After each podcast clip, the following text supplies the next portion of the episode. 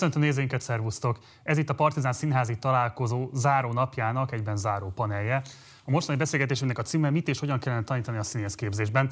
Bemutatom röviden a panel vendégeinket. Itt van velünk Bodó Viktor, Zsótér Sándor, Lénárt Robert és Récei Tamás. Szervusztok! Szervusz! Um, arra szeretnék kérni elsőként benneteket, és Viktortól haladjunk majd jobbra, hogy röviden mondjátok, hogy mi a viszonyotok most jelenleg az utánpótlás képzéshez, milyen formában vesztek részt benne, és pontosan hol. Viktor. Pillanatnyilag nekem most semmilyen viszonyom nincs az utánpótlás képzésben. Tehát mi letettünk egy anyagot még a SFE, Free SFE beomlasztása előtt, pillanatokban, illetve hát akkor már készítettük ezt az anyagot, és utána adtuk közre, olvasható. Én utána ezt a dolgot így lényegében elengedtem, és azóta nem is foglalkoztam vele. Várom, hogy lesz-e olyan helyzet, vagy olyan csatorna, ahol lehet érdemi beszélgetést folytatni, vagy érdemi munkát, és akkor nagyon szívesen. Majd fogunk beszélni konkrétan erről az anyagról is. Egy értelmező kérdést engedj csak meg. Akár az új SFE, SFA részéről, akár a Free SFE részéről nem érkezett olyan megkeresés, hogy esetleg ezt ott azonnal intézménynek a keretein belül valósítsátok meg? Azt az anyagot, amit írtunk, ilyen típusú megkeresés nem jött. Oké. Okay. Sándor. Én a én a, az egyetemen, a Színes Filmvészeti Egyetemen, amit most SFA-nak, ugye, hívsz, hogy tehát a, az egyetemen tanítok, egy másodéves prózai osztályon van. Mi válaszoltam akkor? És a továbbiakban részt fogsz akkor venni az SFA, SFA működésében oktatóként? Hát azt ki tudja. Tehát ezt jelenleg mi nem tudod most, hogy szeptembertől lesz a osztályod például? Nagyon sok minden szerintem mm, pillanatról pillanatra.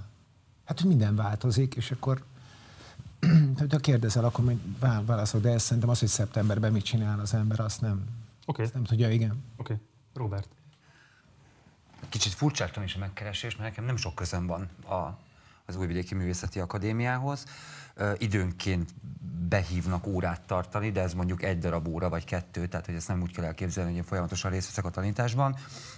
A, ami inkább hozzájuk köt valami módon, az, az az, hogy általában megjelennek vendégrendezőként, mondjuk így a harmadév tájékán, vagy negyedéven, és hát az újvidéki színház, ahol dolgozom, az egy ilyen állandó fölvevő piaca tulajdonképpen a, az akadémiának, nagyon sokszor gyakorló terepe is, mindjárt már első évtől kezdve. Köszönöm. Kaposvári Egyetemen vagyok mesteroktató. A kurzus, amit csinálok, úgy hogy színház és önismeret illetve valamikor megboldogult kecskeméti koromban volt egy Szintár nevű találkozó, ahol az összes Magyar Ajkó Egyetemnek minden évben csináltunk egy találkozót, és az akkor éppen aktuális évfolyamok összes mesterségvizsgáját lehetett látni. Bele fogunk menni részletesen is a különböző képzési szinterek közötti különbségekbe és problémákba. Előtt egy picit még beszélgessünk általánosságban arról, hogy pontosan mi lehet a célja az utánpótlás képzésnek. A Sándornak volt egy interjú, onnan szeretnék idézni egy rövid passzust. Azt mondtad, hogy tanár legyen a talpán, aki távolságtartó, de nem ijesztő, barátságos, de nem barátkozó, tekintélyes, de nem tekintélyelvű, ahogy Zsámbéki mondaná, nem törzsfőnök, de főnök, nem sámán, hanem képzeletfelgyújtó, nem viszi a tüzet, de ad, és leolt, és elnyom, ha kell. Mennyiben lehet formalizálni azt a fajta munkát, amit akár te csinálsz, Sándor? Mennyire lehet ennek ilyen értelemben különböző szakmai standardokat hozzárendelni? Vagy ez egy hiperszemélyes viszony, amelyben abszolút kizárólagosan a személyiség és annak az esetleges fedezete az, ami az oktatói minőségnek a mutatója tud lenni? Hát szerintem nagyon jó szöveget írtam. Ennek a töredékét sem tudom megvalósítani, sajnos ke, azt hiszem, hogy kell, hogy legyen valami sztenderdje. Tehát, hogy minden, mindent azért erre nem lehet ö, ráoltani, ráfolytani, oktrojálni, hogy a személyes kapcsolat az mindent visz. Most ö, 20, 25. éve, hogy én ott dolgozom, de oszt, osztályt azt a Zsembiki Gábor ral vittem először, és, két, és két ciklus óta vagyok osztályfőnök.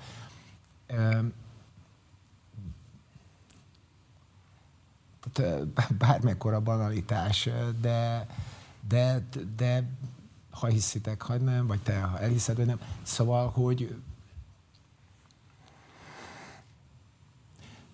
mint egy zárdában, vagy egy katonaságban, ahol nagyon erős szabályok vannak, vagy ad, adnak mások, vagy meghatároznak szabályokat, azon belül folyamatosan újra tanulod, hogy most éppen mit kéne csinálni, vagy vagy amit, amit gondoltál, vagy a hipotézised, az egyáltalán érvényes, vagy nem érvényes, vagy, vagy hát egész egyszerűen változtatni kell rajta folyamatosan. Tehát nagyon más, hogyha egy másik osztályban ö, dolgozol, tehát mit tudom, csinálsz egy előadást, én Zsámbékinál csináltam most ősszel, aztán a Máté Gábor osztályban, azok, azok már teljesen más karakterű dolgok, vagy a Kárpáti Péter dramaturgiaival foglalkozni, és teljesen más ezt az öt évet végig gondolni. Tehát ez egy, szerintem ez egy újra tanulás, nagyon szigorú keretek között. A szigorú keretet az akkreditáció adja. És tudsz majd egy-kettőt ezek közül a standardok közül, amikről azt mondod te magad is, hogy fontos lenne tartani magadat hozzájuk? Hát fel kéne fognom a skill oktatásnak, tehát a, a, a, a, a hogy mondjam neked, hogy már a Gáborral, amikor a Gáborral dolgoztam, akkor is érdekelt, de most már szenvedélyesen érdekel, hogy hogy lehetne össze, összehozni ezeket a különböző tárgyakat. Tehát amiket a skill tárgyakon értem, beszéd, mozgás, zene, többek között a Viktor dolgozatában is olvastam erről. És hogy lehet ezt átfolyatni, átvezetni, azért nem mondom a csatornát, mert a sokszor használták, valami alagutakat építeni a tárgyak között, hogy az ne szegregáltan álljon az a, a fiatalok agyában, vagy az elméleti képzés és a gyakorlati képzés. És tehát, hogy egész egyszerűen mindig elcsodálkozom, hogy tulajdonképpen mindenki ugyanazt mondja, csak ez valahogy külön van a fejükben, és hát, hát nem elhanyagolható, hogy hát őrületesen más ha fiatalok jönnek, mint négy éve, vagy három éve, vagy, vagy két éve akár. Tehát, hogy idézek magamtól, ember legyen a talpán, aki ezt követni tudja. Okay. És azt hiszem, ez a felvételitől függ nagyon. Tamás, hogyan viszonyulsz ez a problémakörhöz? Nem tudom, én más tettem magamnak fontossá ebben az egészben. Nekem meg lett volna lehetőségem, hogy mesterség tanár legyek, és én választottam, hogy szeretnék inkább önismereti tanár lenni. Mi a különbség a kettő között? Hogy csak velük foglalkozom, és nem erőltetek rájuk darabokat. Néha egy jelenetet, ha nagyon hasonlít arra, amit fölhozott a saját magából. Van egy ilyen nagyon vékonyka könyv, az a címe, hogy a tehetséges gyermek drámája, egy Alice Miller nevű pszichológus nő írta, és abban összesen kettő oldal a színészről, aki csak a színpadon talál boldogságot, és én nagyon sok ilyet láttam. És arra gondoltam, hogy mi lenne jönnének olyan generációk, akik nem oda teszik fel a, a központi kérdés az életükben, hogy csak addig boldogok, amíg vagy próba, vagy előadás van, hanem azon kívül is képesek arra, hogy boldogok legyenek. Amíg az egyik feltétele szerintem, sem nem egyeztettem senkivel, bár azért a, a Viktorék dolgozatában nagyon sok ilyen megerősítést láttam, én értem, hogy kell a pszichológia, hogy képesnek kéne tenni őket boldognak lenni a szakmán túl, aminek az a lényege, azt hiszem, hogy ha azok a sérülések, amikből ők dolgoznak, azok nem elmélyítve vannak, hanem megdolgozva, attól ők még hitelesek maradhatnak a színpadon ezekben a problémákban. Én erre tettem fel a kis tanmenetemet, most már öt éve, annyit tudok mondani, hogy minden osztályba kell csinálnom, nem az lett, hogy csak abban az egy évfolyamban ezt elkezdtem. Minden elsős osztályt megkapok, és akkor ezekről a témákról elég nyíltan tudok velük beszélni. Körülbelül ez nem megkérdőjelezve ennek a pedagógiai érvényességét, de kérdezem, hogy mit jelent a boldogságkeresés egy színészi kurikulumon belül, vagy színművész kurikulumon belül? Hát én, amit én gondolok, az, hogy őt, őt nagyon jól érinti az, hogy nagyon sokan nézik egy előadáson belül, és rajta van a fénypont a szószoros értelmébe, és mindent ide helyez fel az életébe, mint hangsúlyt. Olvastam is ilyen nyilatkozatokat színművészeti végzett fiúk, lányoktól, hogy mennyire jól érzik magukat a színen, amit én nagyon elkeseredve láttam, hogy ő ezt mondja.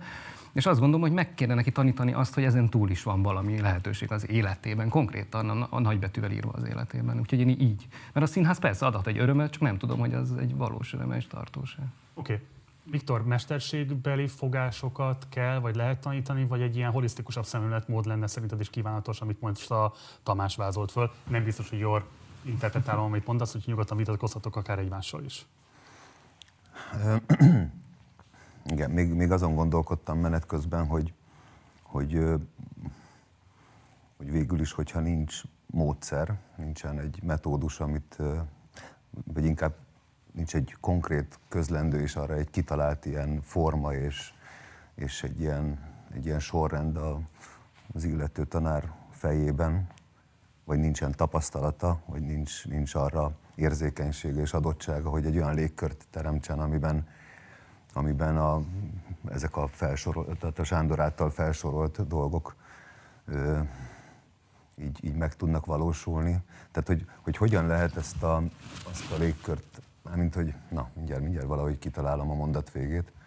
Valami olyasmit akarok mondani, hogy az a, az a légkör, amiben valóban tudást lehet átadni, átvenni, és mondjuk annak, a, mondjuk annak az ideje, és ennek a, a, ennek a terepe, vagy nem tudom, az atmoszférája, az, az, az egész azon múlik, hogy van-e, van-e módszer, vagy nincs. Tehát, hogyha nincs módszer, és nincsen a módszer tisztázva azzal, aki, akivel, akinek azt át akarod adni, tehát hogy egyszerűen, mint egy ilyen programterv, ezt írtuk is ebben az anyagban, hogy, hogy a hallgatóknak meg kell ismerniük azt, hogy mit, mit akarunk nekik majd megtanítani.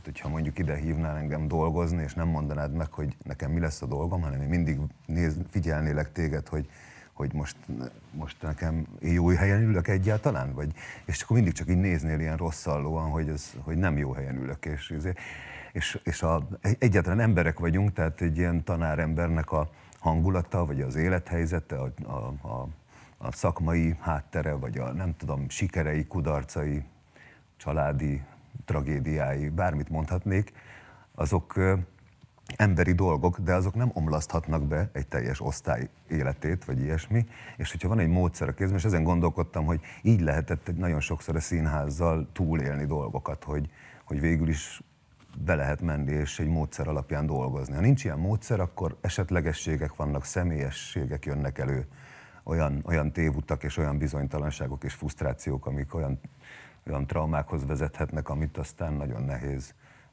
hosszú évek munkájával lehet csak talán orvosolni. Úgyhogy Úgyhogy a módszer, ez a, ez a nagyon keresett szó, hogy ez a légkör, ami, amit egyébként pont a mellettem ülő Zsótér Sándor és Zsámbéki Gábor osztályában láttam először, ott, ott voltam először ilyen úgynevezett önkéntes megfigyelő, hogy, hogy hogyan, hogyan van egy kioldása egy gátlásnak, vagy egy görcsnek, vagy a feladatoktól való félelemnek. Na most nagyon hosszúra sikerült a válasz, úgyhogy Robert, magam. Egy picit arról, hogy neked mi a módszer? Tehát hogy te hogyan kezeled ezt a kérdést a saját oktatói munkádban? Hát amennyiben ezt lát oktatói munkának, tehát pont, pont ez a probléma, ugye én mindig nagyon késő jövök, tehát az oktatás már megtörtént, vagy éppen folyamatban van, és egy relatív késői fázisban jövök én ebbe bele. Tehát uh, amikor engem meghívnak, akár beszélgetni velük, akár akár, hát mondjuk így, hogy órát tartani, bár ezt nem, igazából nem szeretem, mert ez ex katedra dolog, ez nekem soha nem ment, nem, nem is fog menni, attól, attól félek. Akkor általában szövegeket elemzünk, vagy adaptációt csinálunk együtt, de hogy igazából nem, tehát, tehát nem, nem kinyilatkoztatok, vagy nem, nem is szeretnék ilyesmit csinálni. Ö, módszerből nyilván azt tudom nekik elmagyarázni, amit én csinálok egy adaptációs folyamatban. Tehát, hogy igazából nem, nem annyira az van, hogy most ö, valamiféle léceket ki uh, szúrva eléjük, így elmondom, hogy ezt hogyan kell csinálni. Nyilván 8 millió módja van annak, hogy hogy lehet egy munkát elvégezni. Akkor másként kérdezem, mi a tudatosan pedagógiai elem a te működésedben, amikor diákokkal foglalkozol? Hát inkább együttműködésnek nevezném azt is. Uh-huh. Tehát, hogy, hogy tudatosan pedagógiai nyilván van benne, tehát, hogy egy, egy harmadévessel nem, nem, nem azt játszom, amit mondjuk akár a társulatban, tehát nyilván már, már a szereposztásnál, tehát nem, nem szerettem az egyensúly hiányát például. Tehát, hogy nyilván mindenkinek ugyanakkor a szerep jár egy ilyen helyzetben. Tehát segítem szeretnék kiemelni, vagy valami ilyesmi. De hát van egy közös munka, amit, amit elvégzünk, és ez általában azért egy ilyen kísérletezőbb dolog. Tehát, hogy nem, nem, nem az van, hogy állj oda és mondd el. Sándor, a módszerről beszélt a Viktor, és nagyon érdekel, hogy te mit gondolsz erről a módszer kérdésről, és kicsit arra is kérlek, hogy tér ki, és ez volt hozzátok is szól kérdésként, hogy a színészképzésben az elméleti oktatásnak mi a szerepe, mi a jelentősége? Hát nincs hát. A Viktor a módszer, a módszer szót szerintem én úgy, úgy hallottam, hogy úgy veti fel, mint aki keresi, tehát hogy mindenki keresi valahogy a, a sajátját, ki milyen tapasztalatokkal érkezik ide, vagy ki mellett tanul, mióta csinálja, mennyit változik közben. Ö, nagyon nem mindegy, hogy, hogy, hogy közben dolgozol-e a piacon, pár, párhuzamosan akár színészként és rendezőként, és hát abból is egy csomó mindent profitálsz, hogy ahhoz képest mit kezdesz a csinálni. Hát én Öm, nyilván, ha most újra kezdeném, gyorsan szegényekkel, lehet, hogy tök mást választanék. Én, én, én a nyelvvel foglalkozom, legalábbis nyelv felől próbálok e-, elindulni, és, és ezen keresztül próbálok, tehát mit tudom ez a kis alagutacskám, vagy csatornám, és ezen keresztül próbálok mindent bemutatni. Én elég nehéz szövegekkel dolgozom rögtön a fiatalokkal. Én azt hiszem, hogy, hogy ez a meggyőződésem, hogy pont ma, amikor ezt nem szabad, pont ezt, ezt, ezt szabad csinálni, mert hogy ez majd valahova vezetni fog, vagy ez a, ez a hipotézisem. Az elméleti oktatás, hát ö, jó, nagyon szerintem magas, magas színvonalú tanárokkal, de az összes kollégámról ezt tudom mondani, tehát mind a 16-ról, akivel együtt dolgozom. Nem, nem tudom, hogy hogy, hogy, hogy, hogy ér össze. Ö, valamikor össze fog érni, egyáltalán nem mindenkiben. Én, én türelmetlen vagyok, nagy hibám, és már rögtön szeretnék eredményeket látni, és nincs, tehát ez nem, ez nem, ez nem, így, nem így történik, ahogy én szeretném látni.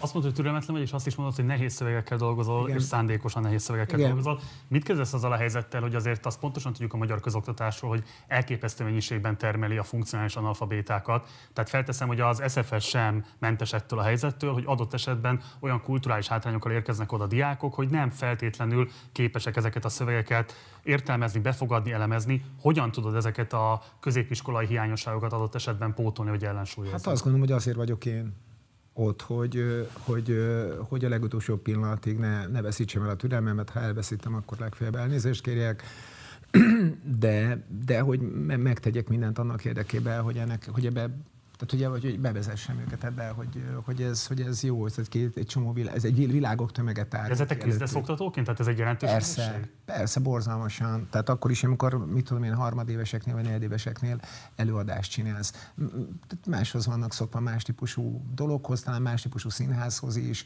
És azt gondolom, hogy ilyen is van, lehet, hogy ilyennel is fognak találkozni, vagy soha nem fognak találkozni, amit én gondolok, és akkor legalább most esetleg találkozhatnak egy ilyennel. Uh-huh. Okay. Hát így. Tamás, mit gondolsz az elméleti oktatás kérdésére a színész képzésben? Hát ugye föltűnt egy nagyon stagnáló jelenség, gondolom a Sándoréknál is a Budapestin, hogy mikor oda van írva a felvételről egy monológ, akkor bizony filmrészleteket kezdtek el hozni az asszonyok és a kislányok, mert hogy nem olvastak.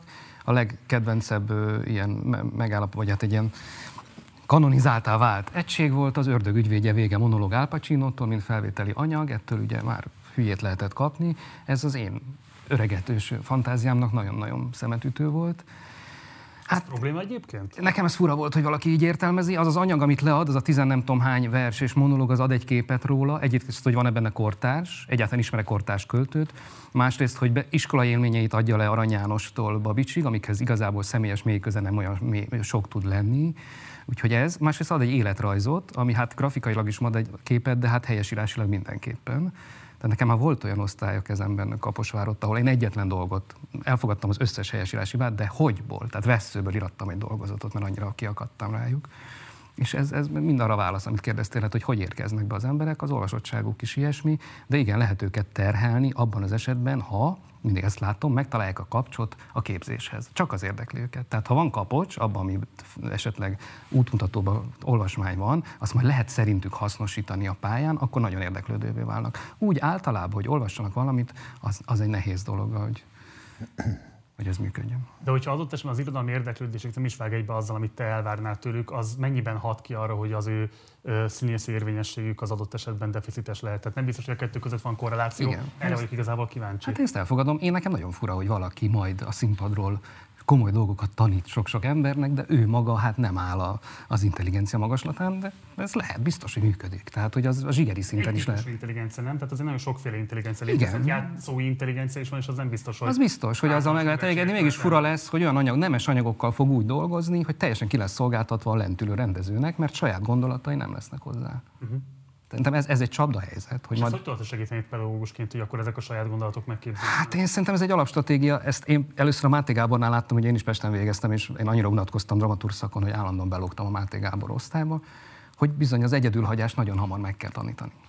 Tehát, hogy nincs túl sok jó rendező, pont itt ül a két ellenpélda rá, de hogy nem, nem hemzsegnek a jó rendezők a pályán, és nagyon sokszor lesz az, hogy lehet, hogy nem fog észrevenni, hogy mennyire egyedül van, mert lényegét nem fog hallani. Erre föl kell szerintem őket készíteni, nem tudom, hogy ti ebből mit gondoltok, szerintem sok ilyen helyzet van. Viktor, egyrészt nem szólaltál még ebben a körben, másrészt meg ugye te ebben az anyagban, amit a tervezett tanártársaiddal közösen fogalmaztatok meg, részben a színház és a filmes képzés összekapcsolására, de részben egyébként elméleti megalapozásra is tesztek javaslatot. Miért éreztétek ezt szükségnek, és milyen típusú elméleti megalapozást tartotok szükségesnek? Hát ezt röviden nem tudom visszaadni, ami le van írva az anyagban, mert ez egy, hú, ez egy eléggé átgondolt és, és sokakkal végig konzultált ilyen elképzelés. Most így megpróbálom így sűríteni, hogy egyrészt a, az a kérdés, hogy elméleti képzés a színészképzésben, vagy ez a kérdés, ezt, ezt, ezt azért így tovább tágítanám, mert ez valahol történik, ez nyilván egy intézményben történik, ugye? Vagy valami helyen, ahol nem csak színészek vannak, hanem, hanem más hallgatók is. És olyan helyet képzelek ideálisnak, legszívesebben az összes ilyen fogalmat lecserélném, mert olyan rossz reflexek kapcsolódnak be az ilyen intézmény, elméleti képzés, nem tudom. Tehát, hogy érzem azt a, azt a áporodott szagot, ami, ami az elméleti képzés, meg azt az üveges tekinteteket, meg a stb. Holott ö, alapvető fontosságúnak tartom, és azt érzem, hogy, hogy azt gondolom, hogy a... Ezt, ezt ki akartam majd ezt, hogy azt gondolom. Azt gondolom, hogy a... hogy a... hogy sokáig Magyarországon az volt az elképzelés egy színészről, hogy, hogy neki nem kell értelmesnek, okosnak lennie, intelligensnek, nem, nem számít, hogy mit mond, mégis csináltak interjúkat, riportokat, mert érdekes típusú intelligencia egy színészé, de hogy nem, nem kreatív partner egy színész, hanem egy megvalósító valaki, aki, aki, akinek nem, szám, tehát nem, nem kell írnia, nem kell különösebben jól elemeznie, mert ezt megcsinálja más helyette, a mi időnkben, amikor mi színészakra jártunk, akkor nálunk rettenetesen gyenge volt az elméleti képzés, az elvárások azok nem voltak következetesek, nagyon jó tanáraink voltak, de kicsit az volt mindig az érzés, hogy bejönnek, így, így elmondják nekünk, de van egy ilyen kedves, elnéző mosoly, hogy mind a ketten ugye tudjuk, hogy ebből nem lesz semmi. Nem? Mert majd elsodort titeket a próbaidőszak. És igazuk volt, hát tudták, hogy minket csak az érdekel. Tehát mi beestünk, berohantunk, beszakadtunk a, a színházi világba, és, és felzabált minket. És nem, nem volt meg az a rész, és erre mondom az ideális intézményt, vagy amit az anyaggal próbáltunk elkezdeni nyitogatni, hogy egy sokkal tágabb ilyen, ilyen tér, térnyitogatás olyan módon, hogy, hogy egy hallgató ne legyen bezárva egy osztályterem falai közé, még csak a szakmájának a, az elméleti, a hozzátartozó, vagy valakik által úgy gondolt, hogy az hozzátartozik a színészi elméleti oktatáshoz, ez így, ez így be van zárva, és akkor ez így belül pörög, hanem át kéne inkább menni egy másik egyetemre, ahhoz a tanárhoz, aki, tehát abból a témából a legjobb, megnézni, hogy egyébként ez az egyetem hogyan működik. Tehát, hogy amikor valaki tanul valamit, ilyen fiatalon, elkezd egy pályát megtanulni, és közben önmagát megpróbálni megfogalmazni, akkor lássa, hogy egyébként egy másik helyen, ha ezt egy másik közegben csinálná, és egy másik tantárgyat tanulna, ott is van élet. Tehát nem az van, hogyha ő itt most bebukik, és nem sikerül, és sikertelen, és akár tudom, van egy feladat, amiben írnia kell hirtelen, és nem tud, akkor az bukás, és kudarc, és, és sötétség, hanem meg, esetleg meg tudja nézni, hogy mit tudom én, nálunk voltak egy csomószor ilyen írói gyakorlatok, van a színész mesterség gyakorlatok közül nagyon sok egymásra épülő írói gyakorlat, de ha mondjuk lett volna hogy az egyetemen kreatív írás, akkor, akkor azok, az, azok a színészek, akiknek egyébként is jó írói készségük van, azok tovább tudtak volna menni egy szintet. De, de így szűk marad a dolog. Úgyhogy nem, nem csak, hogy elméleti képzés alapvető fontosságú, hanem hogy ennek a, az átgondoltsága és a valamilyen hálózati gondolkodás azzal, hogy az elmélet és a gyakorlat hogyan épüljön egymásra, hogyan függjön össze, illetve ami nem függ össze, az mennyire legyen távoli, és mennyire, és kifejezetten jó szerintem a távolság, hogy kimenni, és teljesen mást tanulni, és azt ő döntse el szabadon, hogy mi az. Azt ne egy tanári kar döntse el, hanem, hanem ez, ez már egy ilyen felnőttebb, tehát hogy felnőttebbnek kezeli a, a hallgatót egy ilyen szemlélet, nem egy ilyen tudom, mi, mi, mi pontosan tudjuk, hogy mi kell, úgyhogy csináld azt. Sándor? Az utolsóval nagyon egyetértek, a pontosan tudjuk, nem tudjuk, de, de például ez azért hozzátartozik, hogy amikor én ezt katonaságnak hívom, vagy zárdának, az akkreditáció egy őrült, őrült sűrű órarendet csinál. Tehát a, a, a pandémia alatt mindent ki kellett próbálnom, amit lehet, tehát hogy a jelenléti oktatást akkor is, amikor zárva volt az iskola, a kollégámmal együtt megpróbáltunk megszervezni, hogy minden a város különböző pontján legyen, csak élőben és nem zoomon rohasztóan nehéz volt az utazások miatt ide menni, oda menni, tehát igen, kemény volt ez a, szóval ez a, már se fér bele, hogy látogatás itt meg ott. Én, én, én mo, most, a, akikkel én dolgozom, a, a, a, a földné, föl, földényi, aki már nem dolgozik ott mondjuk most, de a mi, mi József, a Jákfalvi Magdala, hihetetlen sok a írás tehát például nagyon sokat írhatnak, nagyon sok feladat van, ami írásban történik meg. Szerintem ebben nagyon, hát lehet, hogy minden tanári gárda más, de én nagyon komolyan vettem ezt, hogy, hogy ez ne, le, ne legyen linkség. Tagadta, tulajdonképpen azt nem mondta ki szerintem a Viktor, hogy hát színészek nagyon helyesek, de hülyék, és akkor e, ez volt az egyezmény, talán a, az elméleti tanárok és az között. És egyébként az, amit ott pedzegettél a Tamásnál, szóval ez egy nagyon, ez aztán egy külön, külön mesefolyam a színészi intelligencia. Tehát, hogy hogy függ össze, milyen rejtett és titokzatos utakon függ össze, hogy ki milyen hihetetlen érzékenységgel nyúl egy anyaghoz, talán a Füles magazinon kívül nem volt más a kezében, és hát bizony van hány nagyon kedves, tudálékos ember, és akkor hát nézed, és hát mire föl. Szóval azért hogy én nagyon sok mindenkivel dolgoztam, és két, két egyformát nem láttam. A Blaskó Péterrel készített életút interjúban említette azt a Péter, vagy mesélt pontosabban arról, hogy a Várkonyi Zoltánnal való kapcsolata, akinek osztályfőnöke volt, mennyire traumatizáló volt egy részről, másrésztről mennyire hiányzott belőle a pedagógiai helyzet. Tehát egész egyszerűen ott annyival volt az ő elmondás alapján elintézve a képzés, hogy hát a jelenlét az létezik, vagy nem létezik, és onnantól kezdve nem nagyon lehet hozzányúlni a színészhez. Ti mit gondoltok a magyar színházi képzésnek erről a hagyományáról? Mit gondoltok a, arról, hogy jeles, kiváló, nagyon magas színvonalú művész emberek egy az egyben adott esetben oktatói tevékenységet is végeznek, és ezzel a művészi kiválósággal van azonosítva az ő pedagógiai alkalmasságuk. Mennyiben terhes öröksége ez a magyar színházi utánpótlás képzésnek, és mennyi, mik az előnyei, amikről esetleg kevesebbet beszélünk, de fontos lenne azt is beazonosítani. Viktor? Hát a kérdésben azért ott lapul egy bizonyos válasz, ha jól, ha jól hallom, de... Szerintem több is. De hogy mifelé húz, de hogy, bármint hogy elmondtad a te véleményedet is, de hogy, és, és érthető módon.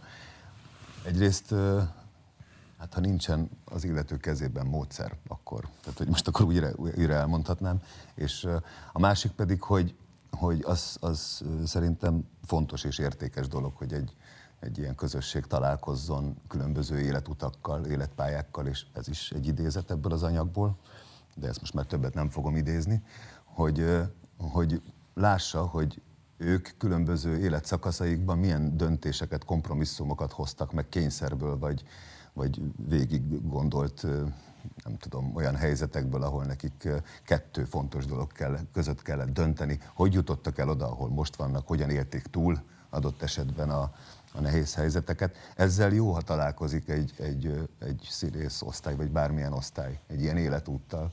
Az, hogy ő egy teljes kurzus tartson, vagy egy szemesztert, vagy egy, egy Isten, egy teljes osztályt elvigyen, csak azért, mert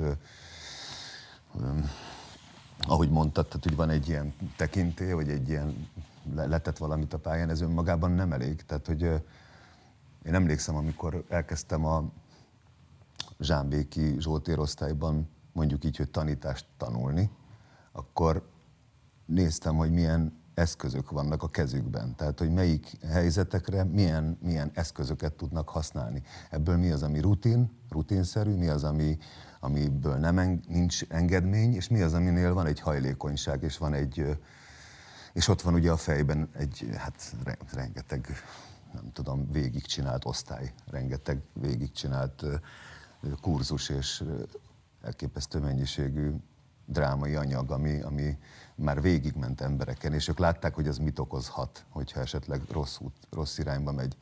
Tehát borzasztóan egy felelőtlenség, hogyha valaki ezt a, ezt a részt kihagyja, és úgy belevág egy ilyenben. Lehet persze kísérletezni, vagy hát én nem lennék szívesen egy olyan osztálytagja, amiben éppen kísérleteznek, és én magam is csináltam ilyet pedig, mint tanársegét, hogy magamra hagytak, a, a, hogy dolgozhatok az osztályjal, és akkor mindenféle játékokat kipróbáltam, és emlékszem, amikor egyszer pont Moszkvában volt egy ilyen helyzet, és így ott, ott az a szokás, hogy visszakérdeznek a diákok, hogy mit tanultunk ebből. És, ez, és, és először volt ilyen, hogy így visszakérdez valaki, és akkor így gondolkodtam, hogy tényleg mit tanulhatott, mit tanultak ebből, és nem tudtam válaszolni, csak játszottunk. És utána, utána már azért egyel komolyabbba kapcsoltam. Tehát, hogy na mindegy, szóval... Tamás? Hú, nekem erről az jut eszembe, amikor valamikor a színvészeti előtt én elvégeztem a tanítóképzőt, és mindig nagyon furcsáltam, hogy senki nem kérdezte meg a négy év alatt, hogy különben maga szereti a gyerekeket. És ez nagyon meglepő volt, és itt is valahogy, hogy miért predestinál egy jó szakmai minőségű színészet bárkit arra, hogy ő rögtön osztályfőnök legyen anélkül, hogy előtte bejárjon bármilyen lépcsőfokokat. Erről meg az jut eszembe, hogy miért predestinál egy aránylag közepes vagy jó minőségű színész karrier bárkit arra, hogy ő rögtön színházigazgató legyen. Tehát ezek szerintem olyan dolgok, amiknek lépcsőfokozatainak kellene, hogy legyenek. Volt egy ilyen rendszer, Horva István behívta Máté Gábor, csinált néhány vizsgált annak az osztálynak, aztán egyszer csak ott ült mellette, stb. és egyszer csak átadta a számára ezt az osztályt. Tehát, hogy enélkül, hogy a pedagógia érzék az majd honnan lesz meg, és akkor az lesz, amit a Viktor mondta, hogy akkor lesz egy ilyen kísérleti négy év először, amikor az első osztályt viszi, a másodiknál már lesz valami emléke, hogy ezeket hogy kell kezelni, akkor még tényleg nem beszéltünk arról, hogy van-e bármilyen módszer. Tehát, hogy ilyen kísérleti nyuszivá válik mindenki egy olyan terepen, ahol igazából akár van szöveg, akár nincs, az ő személyes lénye az anyag. Sándor? Akkor én, én nem, akkor én fél, félreértettem a kérdést. Mert most a válaszokból... Tehát, hogy, Mondd, hogy hogy értelmezted. Hát, hogy milyen alapon tanít valaki fiatalokat, hogyha pusztán csak azért, mert mit tudom, valami szakmai, vagy vélt, vagy nem tudom, milyen elismertsége van. Igen, a szakmai kiválóság az hogyan jelent? Összefügg. Pedagógiai kiválóság. Sehogy. És akkor miért ez a hagyomány alakult ki szerinted? Hát mert egymásnak adják. Hát gondolom, tehát ez egy tradíció volt, tehát hogy hát amennyire én lenyomoztam, vagy visszatekintettem e, erre, és tehát így nekem nagy szerencsém van, hogy, hogy nekem ez nem, tehát semmiért, szóval ott végeztem, de teljesen más szakon végeztem, itt a Tamás első szakja, és, és, és a, és a Gábor elhívott dolgozni, de akkor már azért ott négy-öt éve dolgoztam gyerekekkel. Hát, hogy azért ott az kemény, nagyon kemény volt, szóval nagyon különböző osztályokkal, a Kerényi osztályával, a Benedek Miklós osztályával, a, az ő osztályával. Tehát nem, nem sem, sem, senkinek, nekem sincs, senkinek nincsen erre jogosultsága. A megszokáson túl nyilván vannak olyan pozitív előnyei is ennek a módszernek, vagy eljárásrendnek, Igen amelyről kevesebbet beszélünk. Mik ezek szerinted, ha van ilyesmi? Hát amit a, például a Viktor az előbb esetleg rutinnak hívott, ami, ami egy ilyen pejoratív szó, és, és van egy, van egy mint, mint, minden szónak van egy, van, egy, van egy vonzó tartalma is, tehát hogy valami ruganyosság van benned, vagy készülési, készülés típusság, vagy, vagy, vagy szem, vagy az óra megtartásának a menete, a ritmusa, az átgondolása, nem, tehát, de ezzel is fáradhat. Hát, hogy, hát egy, tehát nagyon jó, nagyon jó volt nézni más, tehát tőlem vad idegenizlésű embereket, hogy, hogy mit csinálnak, és soha ki nem békülve azzal az ízléssel, ahogy dolgoznak, és mégis eredményeket, én úgy láttam, hogy eredményeket érnek el, és nagyon-nagyon jókat hallgatókkal, és mások, akiknek meg közel állt, közelebb állt az ízlésre, azt hiszem, hogy sokkal kevesebbet. De teljesen más, hogy ott belül, és teljesen más a piac. Tehát ennek a kettőnek semmi köze nincs egymás. Én nem látom a közelt.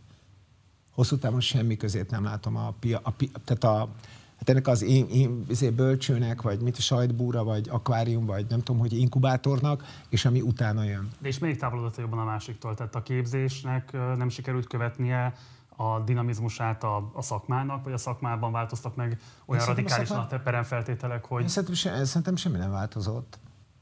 Szerintem ez semmi nem állapot, változott. ez örök így volt? Ne, szerintem semmi nem változott, az változott, hogy, hogy hát amennyire én ezt tettem, azért, hogy azért valamennyit azért úgy végigárkáltam a független színezeket, ahogy dolgoztam, csak majdnem nagyon sok helyen, hogy abból lett, abból lett több lehetőség.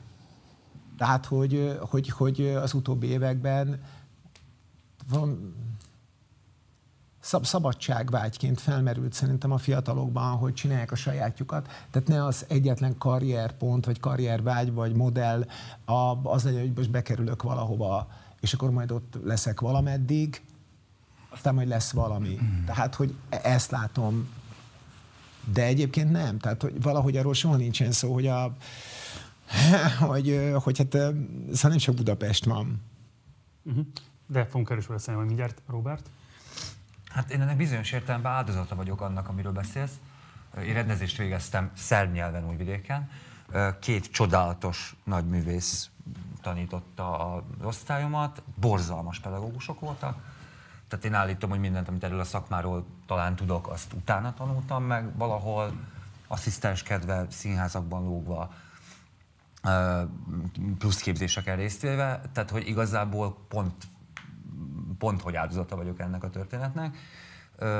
Hogy ez mennyire általános, nyilván nem az. Tehát hogy nyilván ilyen, ilyen nem lehet szerintem törvényt beiktatni ezzel kapcsolatban, hogy, hogy ez okvetlenül így van. A másik oldal a dolognak, hogy egy kicsit árnyaljam a jelenséget, de hát uh, nyilván attól, hogy valaki jó pedagógus, de mondjuk, jó, most kis túlzással névtelen a, a szakmában, ahhoz meg ki akar felvételizni.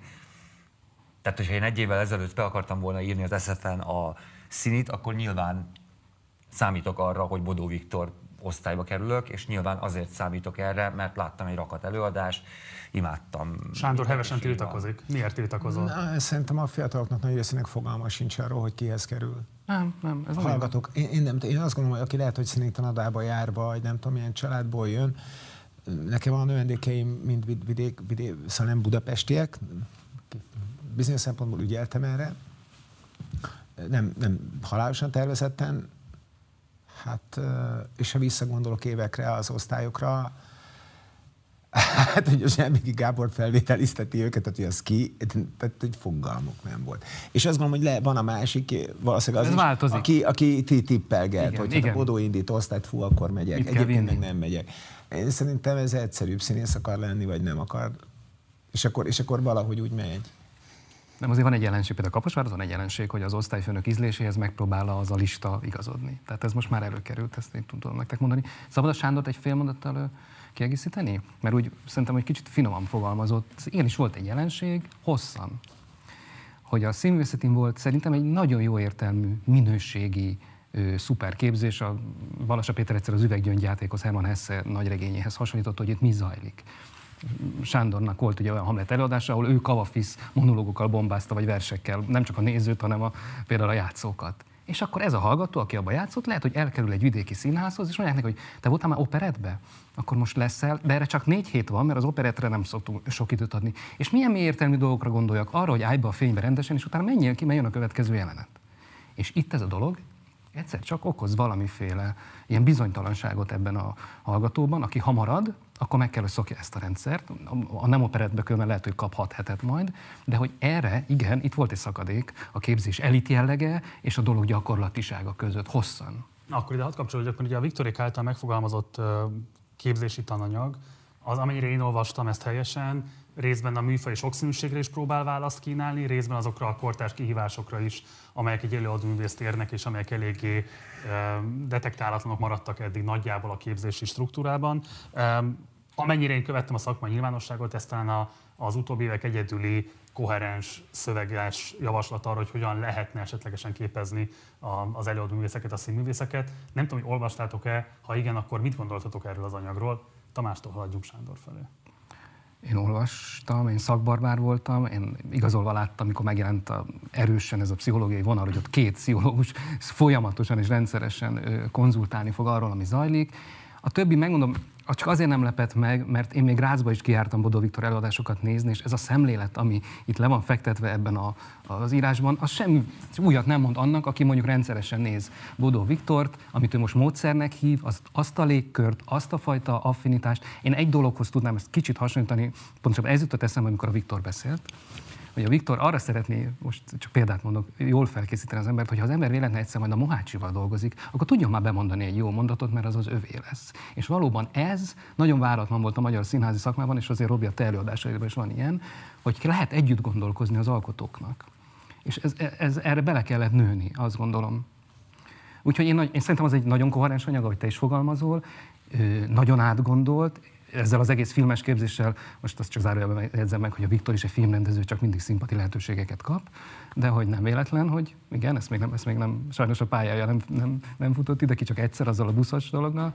Tehát, hogy szerintem az ott egy ilyen mély magja tudna lenni valaminek, amit a, amire a Schilling már veri évek óta az ajtót, de nem jutott be vele. Tehát, hogy valami gyökeresen változzon meg. Ehelyett, és akkor mondjuk meg, hogy mi van, az van, hogy igazából nem túl mélyen kommunikáló, nagyon erős mesterek különböző évfolyamokon tanítanak. Igazából ez a rendszer van mind a két egyetemen. Ezek azok a fajta írások, amiket én általában úgy szoktam elolvasni, hogy egy kicsit sóhajtozok magamban, nem annyira a saját képzésemet féltve, hanem a, hanem a miénket, már mint az, az akadémiai képzés nálunk egyáltalán, mert hogy egyáltalán nálunk ez föl sem merülhet, hogy egy ilyen, ö, ennyire, igen, hogy egy ennyire, ö, hát most rugalmas az nem biztos, hogy jó szó, de hogy egy, de hogy egy ennyire sokrétűen flexibilis program kijöjjön, és hogy ez ennyire át legyen gondolva, én attól tartok, hogy ettől mi még például nagyon messze vagyunk. Sándor? Ennyire nem nehéz a kérdés. De, de mert, a, mert a Tamás megvilágította az egyik oldalát, én meg más, szóval én szerintem az nagyon lefegyverző, ahogy arra világít rá, hogy hát ahogy a Viktor csinálná az előadást, és ebben nagyon sok érzékenység van persze, egy csomó mindent tápad. Fogalmam sem volt, hogy ezt időben hogy rakja bele. Természetesen a filmes része az, az izgatott, ezzel mindenki kilódik, mint az állat, mert nem talál rá időt, tehát egész egyszerűen, a, hogy hova-hova nyomja be. Én számomra úgy újdonság, szóval revelatív újdonság nem, nem volt, azt gondolom, hogy ha, ha ő ezt elindítja, akkor megpróbálná a kereteket odáig feszíteni, hogy, hogy, ez, hogy ezeket meg, megpróbálja, mit tudom én, így hívják a tárgyat, de mondjuk ő mást, másképp, másképp használná föl a, a, a cuccot. Hogyan fogadtátok azt a, remélem nem veszed rossz néven, szakmai visszhangtalanságot, ami kísérte a ti anyagotokat? Tehát ahhoz képest, hogy én értelemben tényleg azt most megerősítették a paneltársaid is, hogy a, azon nagyon kevés koherens anyagok egyike, ami fogalmaz valami fajta gondolatot arra, mit gondolnátok a színház kép, színészképzés alapjának. Ahhoz képest nem lehet azt látni, hogy kerekasztalok szerveződtek volna, adott esetben elleniratok szerveződtek volna, vagy íródtak volna, meg bármilyen módon kritika tárgyává tették volna a munkátokat. Tehát neked miről árulkodik az, hogy ilyesfajta visszhanghiány jellemezte az írásotokat? Igen. Egy, csak gyorsan még, ha már így beszélünk az anyagról, ami tök jó, hogy a Szamosi Zsófia, Rácz Attila és a Gigor Attila az írótársak, tehát ez nem az én anyagom, hanem ez a mi anyagunk, és Robert Júlia is segített a összeszerkesztésében és magát az anyagot ugye véleményeztettük elég sok tanárral, meg szakmabelivel, és az ő észrevételeikkel is csiszolgattuk tovább, és maga az anyag az egy, ez egy elméleti munka, és a, azért született meg, mert kaptunk egy felkérést, vagy hát kaptam egy felkérést, és ez valóban, ahogy Sándor is mondja, ez úgy derült volna ki, hogy ez az elméleti anyag módszeré tud-e válni, vagy meg tud-e valósulni, hogyha végig is csináljuk ezt a folyamatot, és minden fél évben, évben ránézünk arra, amit írtunk, meg amit tettünk, és összehasonlítjuk, hogy mi az, ami abból sikerült, és merre tovább. Tehát ezért is még az előző kérdésedre is egy válasz, hogy, és ez is benne van, hogy, hogy nincs nagy misztik, kritérium szerintem a színész oktatásnál se, vagy a művészet oktatásnál se.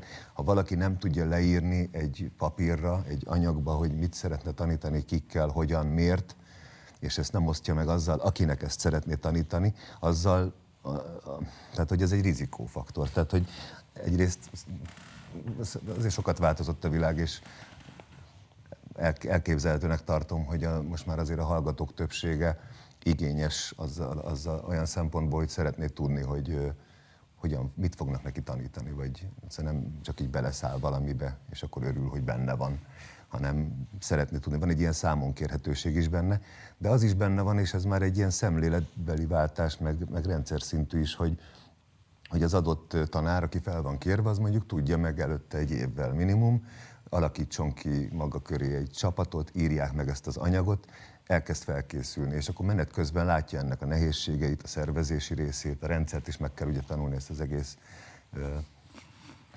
egyetemi rendszert, vagy hát hogyha ez egy egyetem és nem egy más típusú képzés, mint egy ilyen mindegy, most ebben nem megyek bele, hát, hogy hányféle módon lehetne egyébként még csinálni. A vízhangtalanság az nem volt meglepő, az ugyanúgy nem volt meglepő, mint sok minden más nem meglepő ebben az országban már. Hát az sem volt meglepő, amikor az új színház pályázatokat, azt a 11-et, azt hiszem 11 született annak idejére, azok is úgy eltűntek, mint hogyha nem is lettek volna. Tehát, hogy mint hogyha nem lennének elképzelések arról, hogy egyébként egy színházat hogyan lehetne máshogy csinálni napjainkban Magyarországon, Budapesten. Ez komoly probléma, de hát olyan most azon kívül, hogy volt, volt bennünk, hát nagyon, nagyon értékes munka volt ezt végigcsinálni, tehát nem, nem, ezt nem egy ilyen közönség sikernek szántuk, hanem, hanem inkább annak, hogy, hogy, hogy bele kell vágni és meg kell csinálni, és, és azon keresztül fog tudni ez dolgozni, nem azon kívül, hogy a szakma mit fog szólni hozzá, mert hát sajnos ebben, ebben már sok ilyen jelenség volt és csalódás, hogy, nem, nincs, nincsen ö, fórum, nincsen platform, nincsen, nincsenek beszélgetések fontos kérdésekről. Ne, nem tudom, hogy hol, hol lehet ezeket. Nagyon ritka. Tehát, hogy a, olvasni is nagyon, nagyon ritkán lehet, és hát most, most éppen itt van egy beszélgetés, vagy egy beszélgetés sorozat, de nem tudom, hát hány, hány olyan újság van még, vagy ahol maradt értelmes szó. Tehát, hogy itt nagyon komoly a probléma de hát nem csak a színházi kérdésekben. Ez, ez, ez...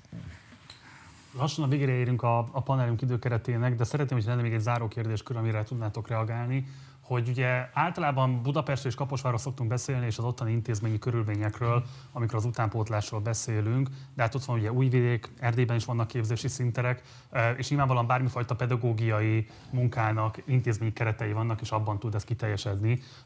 Hogyan látjátok jelenleg a magyarországi vagy magyar nyelvű szinteret, milyen változások vannak most, amelyek szerintetek meg fogják dönteni, majd határozni a következő generációk lehetőségeit, és ti magatok például hogyan látjátok a saját oktatói kiteljesedéseteket a magyar nyelvű intézményeken belül?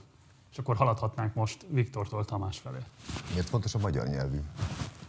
Hát mert felteszem, hogy ha mondjuk van neked lehetőséged Grácsban oktatni, az tök jó az osztrák uh, színészek számára, de lehet, hogy a magyarok kevésbé tudnak abba becsatlakozni. Most csak mondtam valamit. Jó, jó, jó, csak Hát én, én nyilván a beszélgetés elején, amikor azt mondtam, hogy én ezt most félretettem, ezt az egész képzési dolgot, vagy oktatást, ez, ez tényleg azt jelenti, hogy ez az anyag, ez egy feltételez maga mögött egy intézményrendszert, amit készítettünk. Tehát ez a, ez a Színház és Filművészeti Egyetemre készült, annak a kereteit kicsit feszegetve, de az összes adottságát behasználva, és, és annak a...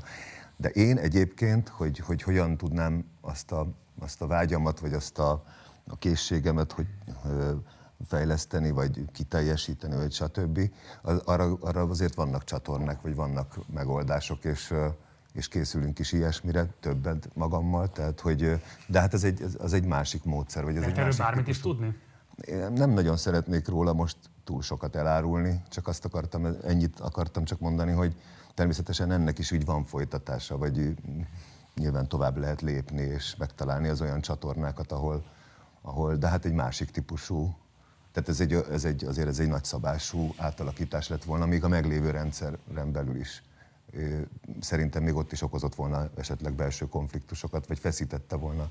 Ez meg inkább ilyen szabadabb, vagy olyan értelem, tehát nem egy intézményhez kötött, vagy nem egy ilyen ennyire szigorú időbeosztáshoz kötött, és nem is, nyilván nem, nem ad mondjuk diplomát, vagy ilyesmit, hanem tudást ad, vagy élményt, vagy tapasztalatot, vagy esetleg olyan szakmai továbbmenetet, vagy kapcsolatokat, ami akár nemzetközileg is érdekes lehet. Másként kezdtem a magyar nyelvet, hogy most... Másként teszem fel a kérdést, hogyha a régi új SFE vezetősége felkérne arra, hogy ezt az anyagot, vagy bármilyen más oktatói tevékenységet. A régi új SFE az a free? Hát az SFE, SFA, most nem tudom igazából mi a neve, a Színház és Művészeti Alapítvány által működtetett egyetem, talán akkor ez a megnevezés, hogy vállalnál bármilyen oktatói szerepet? Nem. Nem, nem, nem. Tehát amikor ez, ez megtörtént, ez a gyilkosság, vagy nem is tudom, minek minősítsem ezt a, ez, a, ez a lerablás, vagy lepusztítás, én akkor mondtam ott a beszédben is, hogy addig nem teszem be a lábam ebbe, amíg ez így működik. Tehát, hogy, tehát, hogy ezt nem lehet elfelejteni azért. Hogyha kínálnak egy valamit, akkor, akkor azért, azért ez mégse. Tehát, hogy ez, ezt viszont szeretném így, nem tudom, így komolyan venni magam, vagy, vagy nem tudom. Hát azért ott, ott azért úgy elvérzett nagyon sok minden. Tehát hogy ott azért a szemünk láttára lett ez az egész kicsinálva. Tehát úgy, hogy végignézte az egész ország. Többek között ezt is. Tehát, hogy nincs az az ajánlat szerintem, amit ez az intézmény nekem tehet, amire én azt mondom, hogy persze, persze, akkor mégiscsak, mégiscsak. Okay. Sándor? Hát Hát nekem exit tábla van, tehát valószínűleg egy kifelé menő dolog. A, egyrészt, hát egyrészt a koronál fogva, másrészt a, az intézmény jellegénél fogva a változások miatt. Hát én, én ilyen nem, nem, valószínűleg, hogy ez kimegy alólam most, akkor, akkor hogyha, hogyha lesz valami, mit tudom én, szóval valamilyen társak, akkor, akkor lehet, hogy még egy, egy kaland még beleférne, szóval, hogy, hogy kitalálni három-négy emberrel, hogy, hogy csinálni ilyen magániskolát, hogyha nem tudunk megszabadulni a vágytól. Szerintem nem szabad túl sokáig csinálni szervezetkeretek között. A szakadék az, én, szerintem nem mindenkinél, de, de de szerintem tehát a, a korosztály, az, az, az so, so, so, nagy a távolság. Én, én magamról ezt érzem. Miben képzelik meg ez a távolság? Hát ez, ez tökéletes, ez, ez a hihetetlen idegrendszeri változásban, ami, ahogy a, a mai 20 éves vagy 18 éves gyerekek. Hát nagyon vicces ott ülni, hogy 2000-ben született gyerekeket elvételizni, ez hogy 2001, 2002, és szerintem tehát amit a Viktor mondott, például az előbb csak egy fél mondat volt, hogy, hogy valaki osztályt indít, és akkor egy évig arra készül nyugodtan.